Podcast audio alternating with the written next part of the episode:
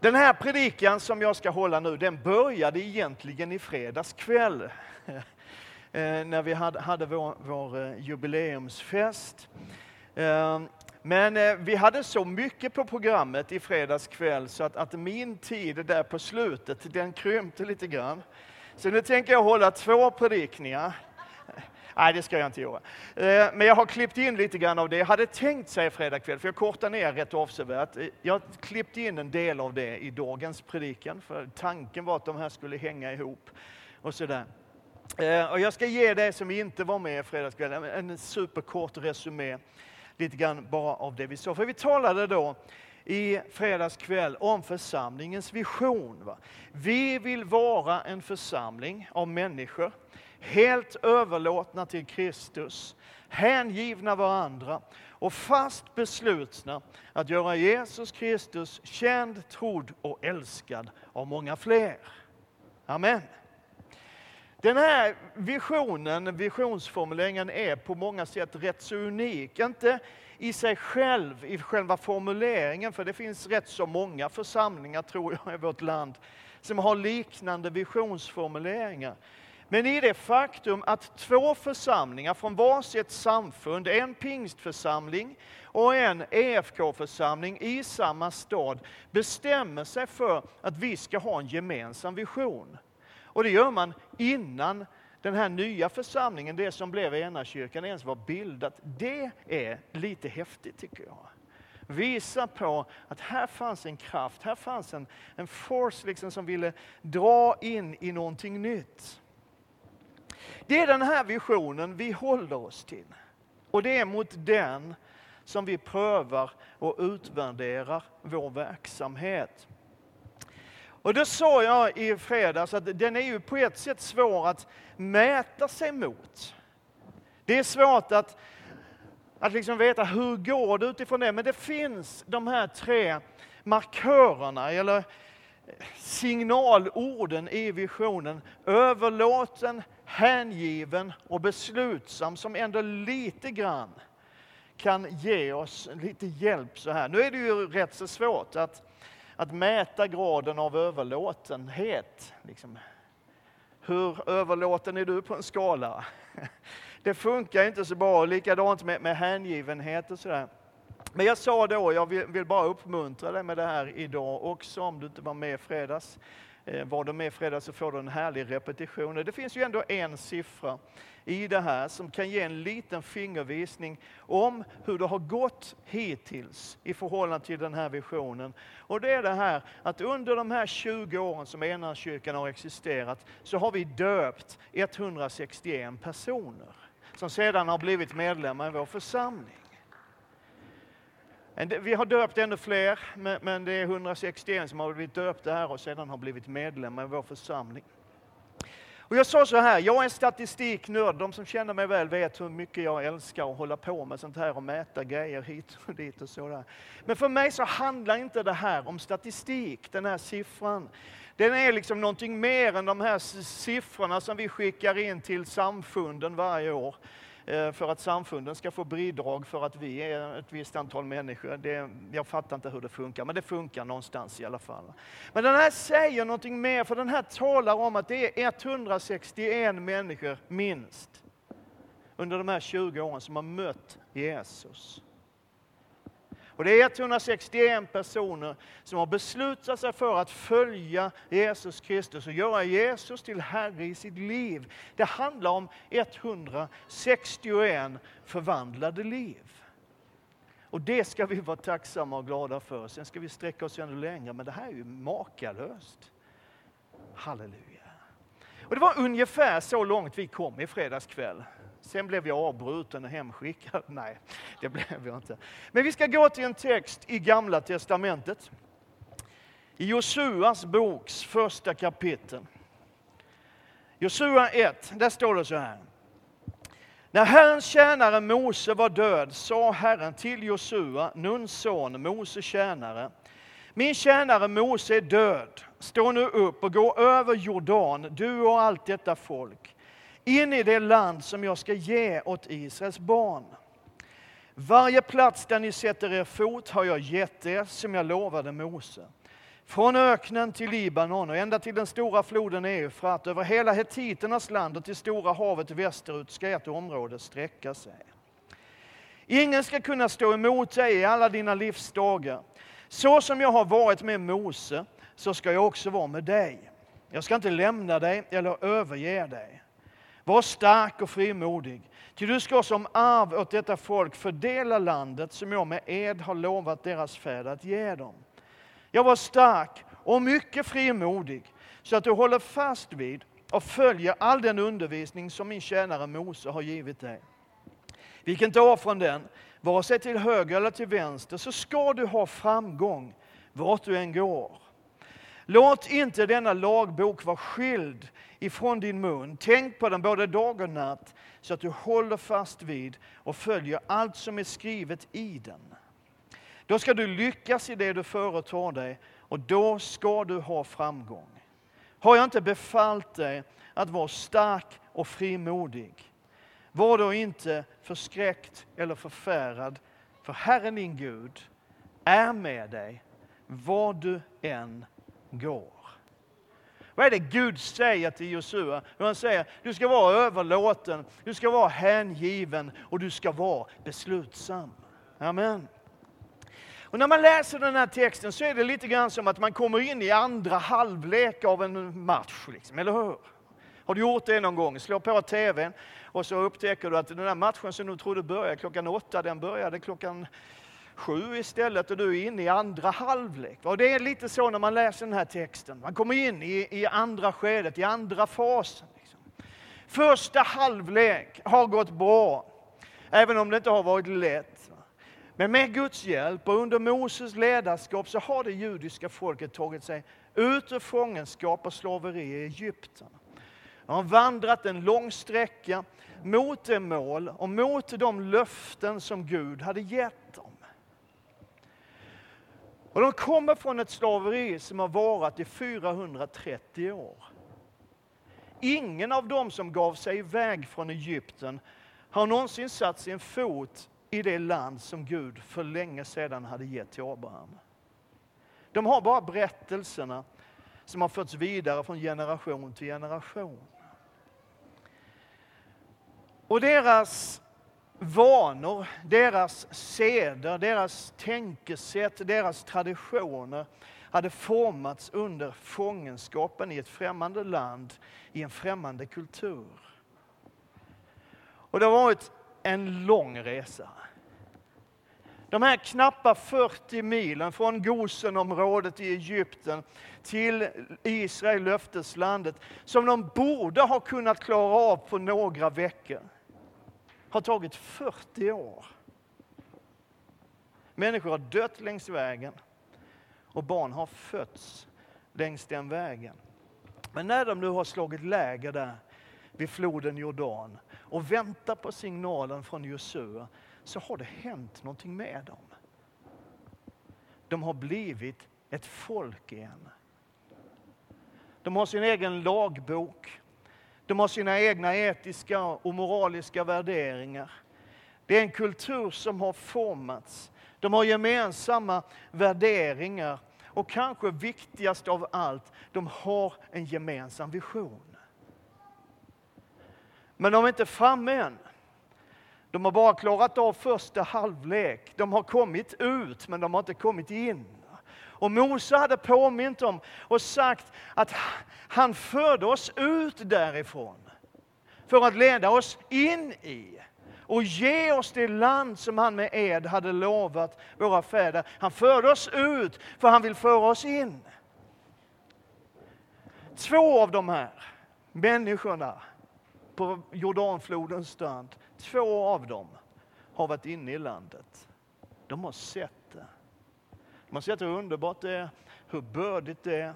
Och de har förmedlat den bilden som skapade sedan den gemensamma visionen. Josua och Kaleb. Egentligen var de tolv som gick in i förväg och spanade på landet liksom som hemliga agenter på uppdrag utsända av Mose.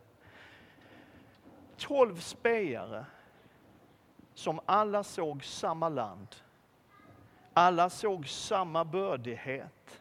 Alla såg samma välsignelse och alla såg samma fiender att besegra. Och ändå så fanns det efter avslutat spaningsuppdrag två helt olika rapporter.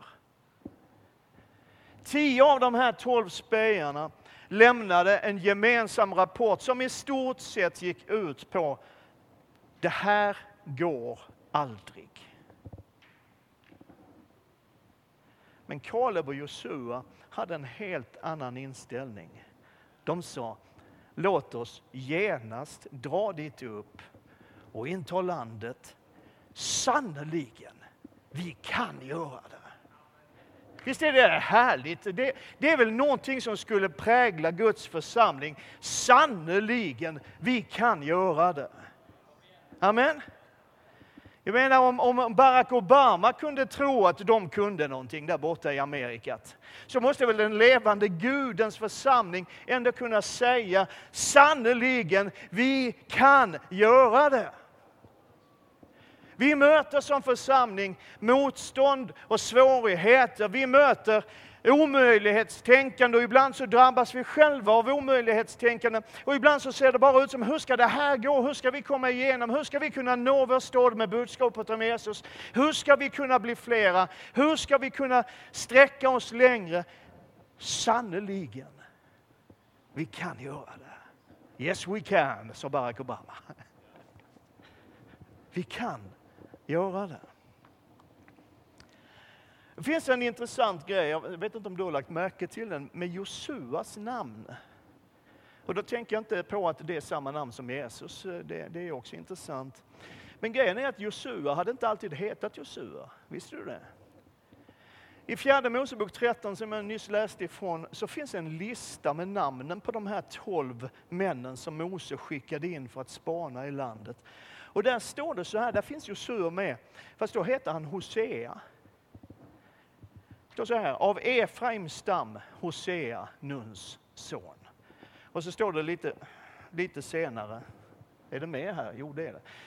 Lite senare då, men Mose gav Hosea, Nuns son, namnet Josua. Och varför är det så intressant? Jo, därför att Hosea betyder frälsning. Men Josua betyder Herren är frälsning. Det är skillnad på det. Så när folket nu står där beredda att gå över floden och ta löfteslandet i besittning, så gör de det tillsammans med en ledare som vet att det här handlar inte om mig. Det är inte jag, Hosea, som är frälsningen och räddningen. Det är Herren som gör det. Det är Herren som är vår räddning. Och många hundra år senare så talar Gud genom profeten Sakarja till byggnadsledaren Zerubabel och säger, inte genom någon människas styrka eller kraft ska det ske, utan genom min ande. Det ligger något profetiskt över det namnbyte som Hosea fick göra och bli. Inte frälsaren och räddningen, utan bara för att bära fram budskapet Herren är räddningen. Jag tror att det är så att den berättelse som i alla fall vi som har gått i söndagsskolan allra mest förknippar med Josua är, antar jag, den här berättelsen om slaget vid Jeriko. Den har vi sett, vissa av oss, beroende på ålder och så här, så vissa av oss har till och med sett den på flanellograf. Det är smort av Gud, ska jag säga. Det är något helt annat än Powerpoint och Keynote. Flanellografen är nedsänd från himlen. Nej. Men du vet, intagandet av Jeriko. Istället för att strida på ett vanligt normalt sätt så som man brukade strida och försöka inta städer så här, så tågade folket, Israels folk, runt den här staden. Ett varv om dagen i sex dagar. Och det fanns egentligen bara en enda instruktion som, som de fick genom Josua. Det var håll tyst. Och jag tror att, att det fanns någon sorts självbevarelsedrift hos Josua när han sa det där. För det är klart att första dagen och ett varv, det kan man väl stå ut med. Men när, när Josua nästa morgon kallar ihop dem igen och säger vi tar ett varv till. Så kan man som ledare börja ana att, att det finns ett och annat gnissel i leden. Och tredje dagen, ett varv till. Och fjärde dagen och så här. Så håll tyst, sa, sa Josua. Och den sjunde dagen så gick man sju varv runt den där stan. Då skulle man också vara tyst. Tills det var dags. Eller hur? Och när man har gått, när man har fullbordat det sjunde varvet, så blåste man i sina horn, man gav upp ett härskri, man ropade och tjöt och, och gråpade. Och så står det i Guds ord att murarna till den här ytterst välbefästa staden rasade samman, faller ner och Israels folk kan bara kliva rakt in och ta över staden. Det är en fantastisk berättelse. Men visste du att världens genom tiderna sämsta sång den mest usla sång som någonsin har skrivits. Den är så fruktansvärt dålig. Vad härligt det är för bre på ibland. Liksom. En jätteusel sång handlar om den dagen. Visste ni det? Joshua fought the battle of Jericho and the walls came tumbling down. Det är inte så värst många korn av sanning i den sången. Eller hur? Men hade den handlat om någon annan stad så hade det legat lite mer sanning i den. Liksom Joshua for the battle of Gezer eller Adullam, eller Simron Meron, eller vilken som helst av de 30 andra städer som finns listade i Josuas boks 12 kapitel. Men inte Jeriko. För det var inte Josua som stred för Israels folk vid slaget om Jeriko. Det var Gud själv som gav sitt folk segern vid slaget om Jeriko. Det gjorde han i och för sig med de andra städerna också. Men just vid slaget om Jeriko så hade Josua verkligen inte någonting alls med segern att göra. Det var Gud. Och det var bara Gud. Och vet du vad som är det mest intressanta egentligen med den metod som Israel använde sig av i slaget om Jeriko. Vad som är det mest intressanta med den metoden. Är det någon som vill gissa? Nej, det är inte så lätt. Det som är mest intressant med den metod som Israel använde när man skulle inta staden Jeriko, det är det faktum att man aldrig använde den igen. Aldrig någonsin mer. Alla de här andra städerna intog man på helt andra sätt. Hela tiden med Guds hjälp och flera gånger med märkliga mirakler. Vid ett tillfälle när man stred mot amoreerna, till exempel, så tänkte nog Josua att, att, om vi bara får hålla på tills det, liksom, vi, vi är ju på gång här. Det är nära nu. Snart så har vi dem. Men nu börjar det bli kväll. Om en liten stund så är det för mörkt för att, att liksom strida och då får vi börja om igen imorgon bitti. Och då säger Bibeln att Gud lät solen stå still. Visst är det häftigt? Ja, det tror inte jag på. Nej, men jag gör. Då lät Gud solen stå, till, stå still tills Israels folk hade vunnit segern och, och Josua liksom could call it a day. Nu går vi hem och tar en fika. Visst är det häftigt?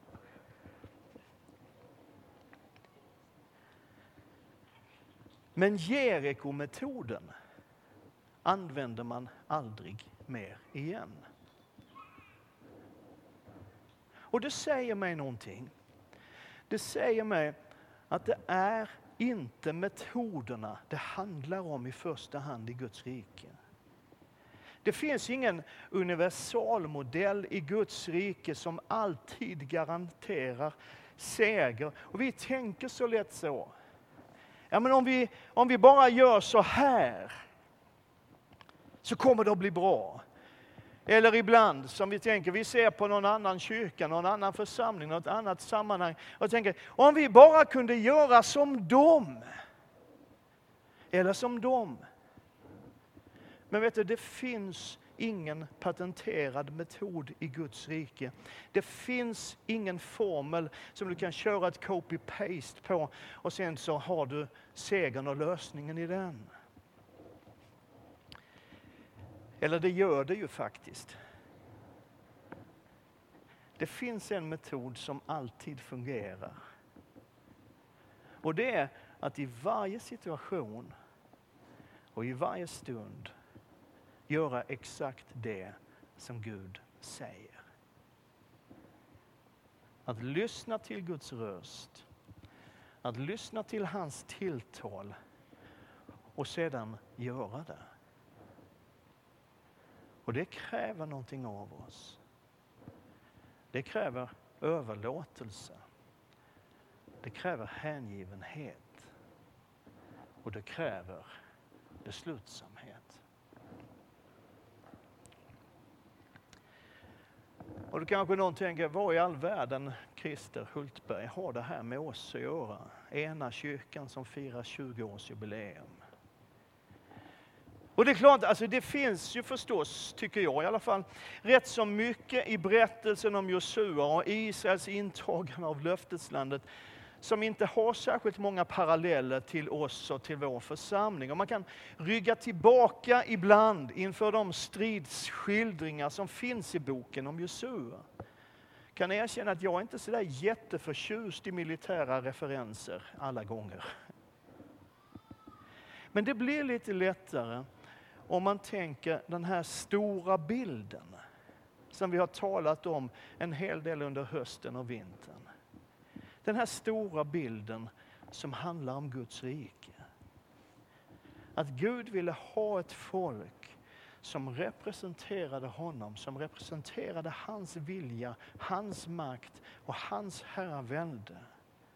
Och det här intagandet av städer handlar om just detta, att utbreda Guds rike. Och det finns paralleller till oss och till vår församling. Inte på det sättet att vår stad är en fiende som ska besegras, för det är den inte. Långt därifrån. Men grejen är att det finns en fiende i vår stad som ska besegras. Eller rättare sagt, det finns en fiende i vår stad som är besegrad. Och vårt uppdrag är mest att jaga honom ut ur stan, eller hur? Amen. Men vi har kommit en bit på väg som församling.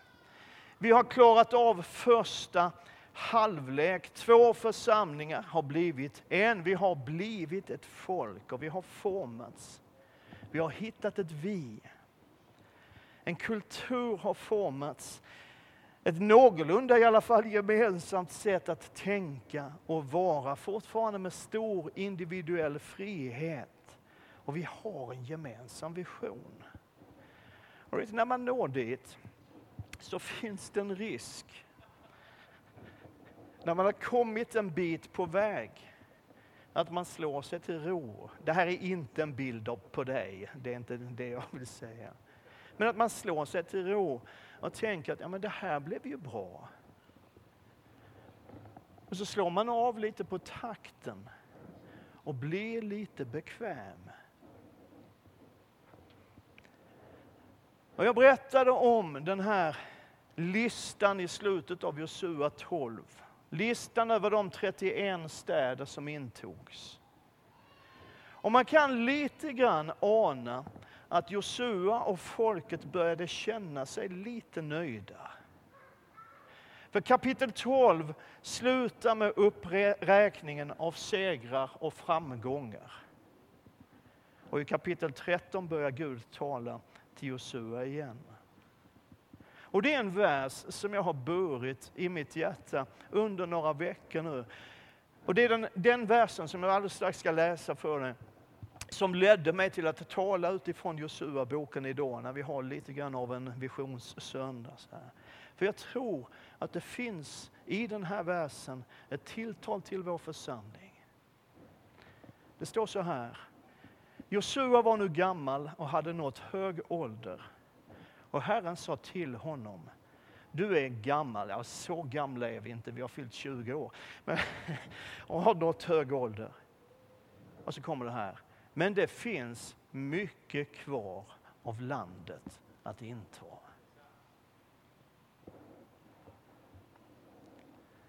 Det finns mycket kvar av landet att inta.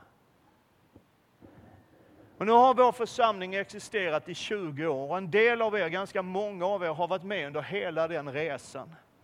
Och andra har kommit till under resans gång. För min egen del så är det nu i dagarna ungefär fem år sedan jag fick kallelsen att bli församlingens pastor. Så jag har varit med en knapp fjärdedel av den resan. Och så här, jag är tacksam för, för, för att jag har fått vara med på ett hörn. Men det handlar om 20 år av Guds nåd. Det är 20 år av både medgångar och ibland motgångar. Det är 20 år av både tårar och skratt. Och det är 20 år av uppoffringar och välsignelse. Och vi tackar Gud för de här första 20 åren. Men det finns så mycket kvar att göra. Det finns många människor att nå. Det finns fortfarande ett mörker som behöver skingras. Det finns bördor kvar som behöver lyftas av. Vet du att vår stad behöver ena kyrkan och vår stad behöver dig. Och jag tror att det är just därför som Gud idag vill påminna oss om överlåtelse, hängivenhet och beslutsamhet. Vad är överlåtelse? Om du tittar på en synonymordlista så handlar det om att ge äganderätten till någon annan över någonting. Att lämna över, att anförtro. Det handlar helt enkelt om att ge kontrollen över våra liv till Jesus Kristus. Att lägga våra liv i hans händer. Det handlar om vad vi sätter först i livet, vad som är viktigast. Hur vi prioriterar vår tid, hur vi prioriterar våra pengar, hur vi prioriterar våra liv. Vad som får styra våra beslut. Jag ska ärligt säga att när jag första gången såg församlingens visionsformulering så hajade jag till lite grann helt överlåtna till Kristus. Helt överlåtna till Kristus. Då har man satt ribban rätt högt. Eller hur? Och jag kan erkänna, och jag gör det jag säga, nästan utan att skämmas, gör jag inte, lite skäms jag, men du fattar vad jag menar. Jag kan säga att helt överlåten till Kristus, där är inte jag. Om du vill veta en hemlighet så kan jag säga att det är inte du heller. Men det finns tillfällen i våra liv när du och jag sätter oss själva och vår bekvämlighet och vår njutning och vår egen liksom, intressesfär före precis allting annat. Eller hur? Men vi jobbar på det. Vi är på väg. Och ska jag vara ärlig så tror jag inte att vi kommer att uppnå fullheten av den visionen förrän den dagen vi är hemma tillsammans med Jesus. Då är vi helt överlåtna, men vi jobbar på det och låter honom ta större och större del av våra liv. Område efter område i våra liv. En del av oss har grejer som vi kämpar med och där vi bara känner att du, du måste ta det här också Jesus. Vad är det som får styra våra beslut? Vad är det som är viktigast i våra liv? Och hängivenheten, det talade vi om vid ett tillfälle i höstas. Vi, vi pratade om att, att det är ett gammalt uttryck, hängiven. Hän talar om riktning, det är till eller vart någonstans. Liksom. Så det betyder att vara given till. Eller om du så vill, tillgiven. Att se varandra som gåvor. Pratade vi om då under, i höstas. Att passionerat älska syskonen. Och älska människor. Vet, ibland så, så, får jag en fråga, jag har ju rest ganska mycket, sett ganska mycket av olika missionsområden och, och sett kampanjer med tusentals människor på olika ställen. Och ibland så får man den här frågan, men varför händer så lite i Sverige? Varför är det så få som kommer till tro i Sverige? Varför växer inte församlingarna mer i Sverige? Och om jag får vara en litet uns spetsig så här en söndag förmiddag, får jag vara det? Får jag sticka till lite, lite grann? Jag har haft en sån riktig stryka med hos predikan idag känner jag, men, men nu. Jag tror att det handlar om just det här. Om vår överlåtelse och vår hängivenhet. Våra prioriteringar. Därför att det är vår överlåtelse till Jesus och vår hängivenhet och kärlek till varandra som föder fram den beslutsamhet som behövs för att hjälpa människor till Jesus Kristus. Amen. Därför att om inte överlåtelsen finns och inte kärleken till människor finns så finns det inte heller någon beslutsamhet. Då struntar vi i det. Det finns mycket kvar, säger Gud till Josua. Jag tror han säger det till oss också. Det finns mycket kvar. Och kanske för det här, den här söndag morgonen, för, för var det här tillfället. Jag tror att det är ett jättebra tillfälle. Jag tror att det här är Guds tillfälle. När vi ser över våra prioriteringar när vi kollar upp våra hjärtan och gemensamt tar ett nytt beslut om att göra Jesus Kristus känd, trodd och älskad av många fler. För det är vårt uppdrag. Nu ska jag be att lovsångarna kommer fram här. Och vi ska gå in i en stund av bön.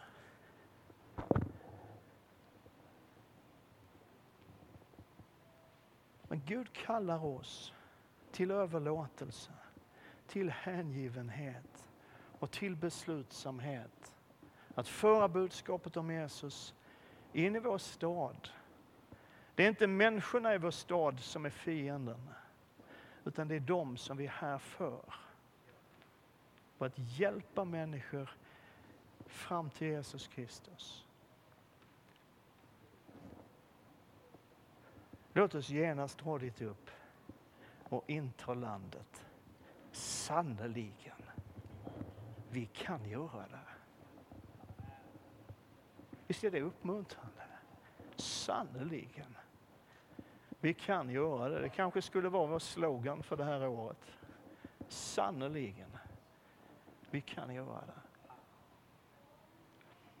Och jag skulle önska nu att vi, vi hade kunnat liksom mötas, hela församlingen här framme och tillsammans ställa oss inför Gud och ta ett beslut att vi tänker följa dig det här året också. Vi tänker att gå på dina vägar.